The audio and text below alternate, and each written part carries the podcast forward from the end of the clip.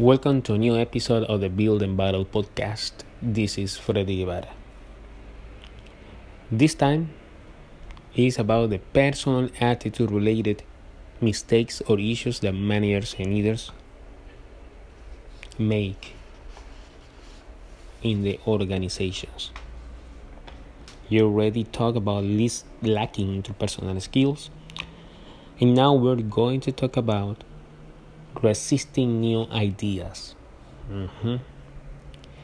Have you seen managers, supervisors, and leaders that resist new ideas because they are from the school that, okay, why to change this?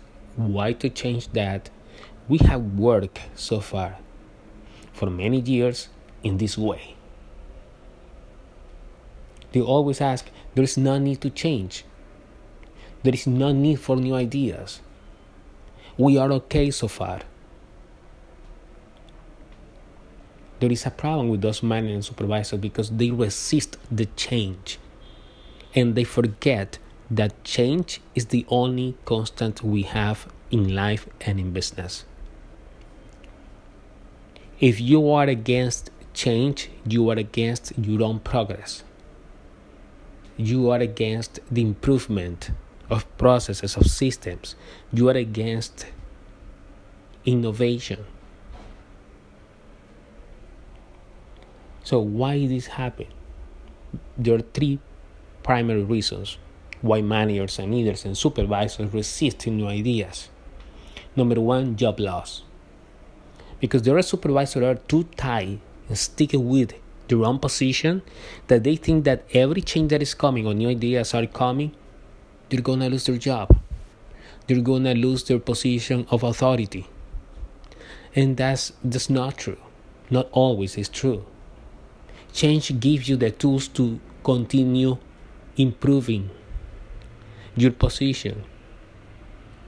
There are ideas that give you more tools and techniques so you can do a better job as a supervisor, manager, leader, and you can help your teams to be better, to improve and innovate. Number two, lack of trust. Supervisor manager leaders, especially when there are new people coming on board, they don't trust on the new people. They don't trust on the new ideas. They don't give a chance to study, to learn about the new ideas, or to learn about the new people. They always block themselves and they separate themselves because they don't trust. Whether or not you trust. You had to give a chance to learn yourself because you had to learn, study for yourself, read about the new idea, get involved more. Because the time when you get more involved with the new idea, with the new people, you're building trust. You're not gaining trust overnight. You build trust in your business. And knowledge is the first step to build trust. Not yourself, not the new ideas, not the new people, so you can start building trust.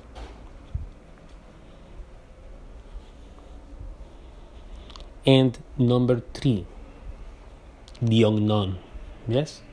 Because every new idea, every change sometimes has unknown consequences that the people involved they don't know supervisor, manager, leaders don't know, and they are afraid of the unknown. They they don't know for sure what the result will be, what the consequences will be.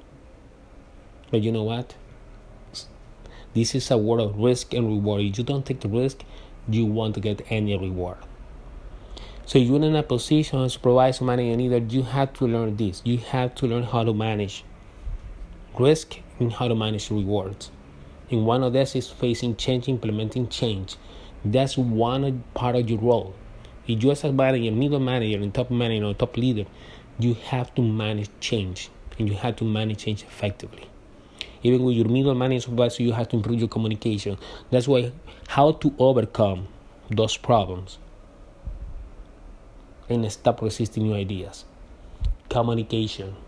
Communication is important. How do you communicate the change will inspire people or will demotivate people to implement the change.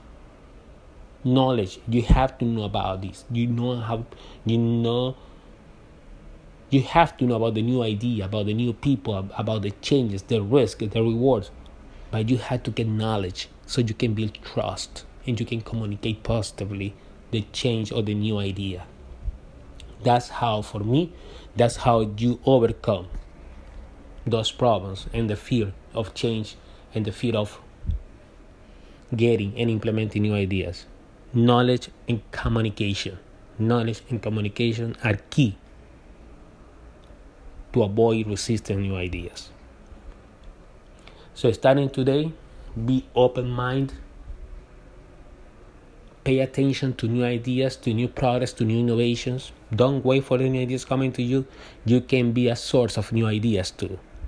If you are feared or you fear of everyone, of other people coming with new ideas, be yourself the one that brings new ideas to your business where you work. So be the source of new ideas. Be open minded. Communicate effectively. Get the knowledge you need. And you will be better manager and you'll be a better leader. I hope this helped you to avoid any problem, any issue that you can have with new ideas. In the meantime, I wish you the success you deserve. Build in battle until the next time.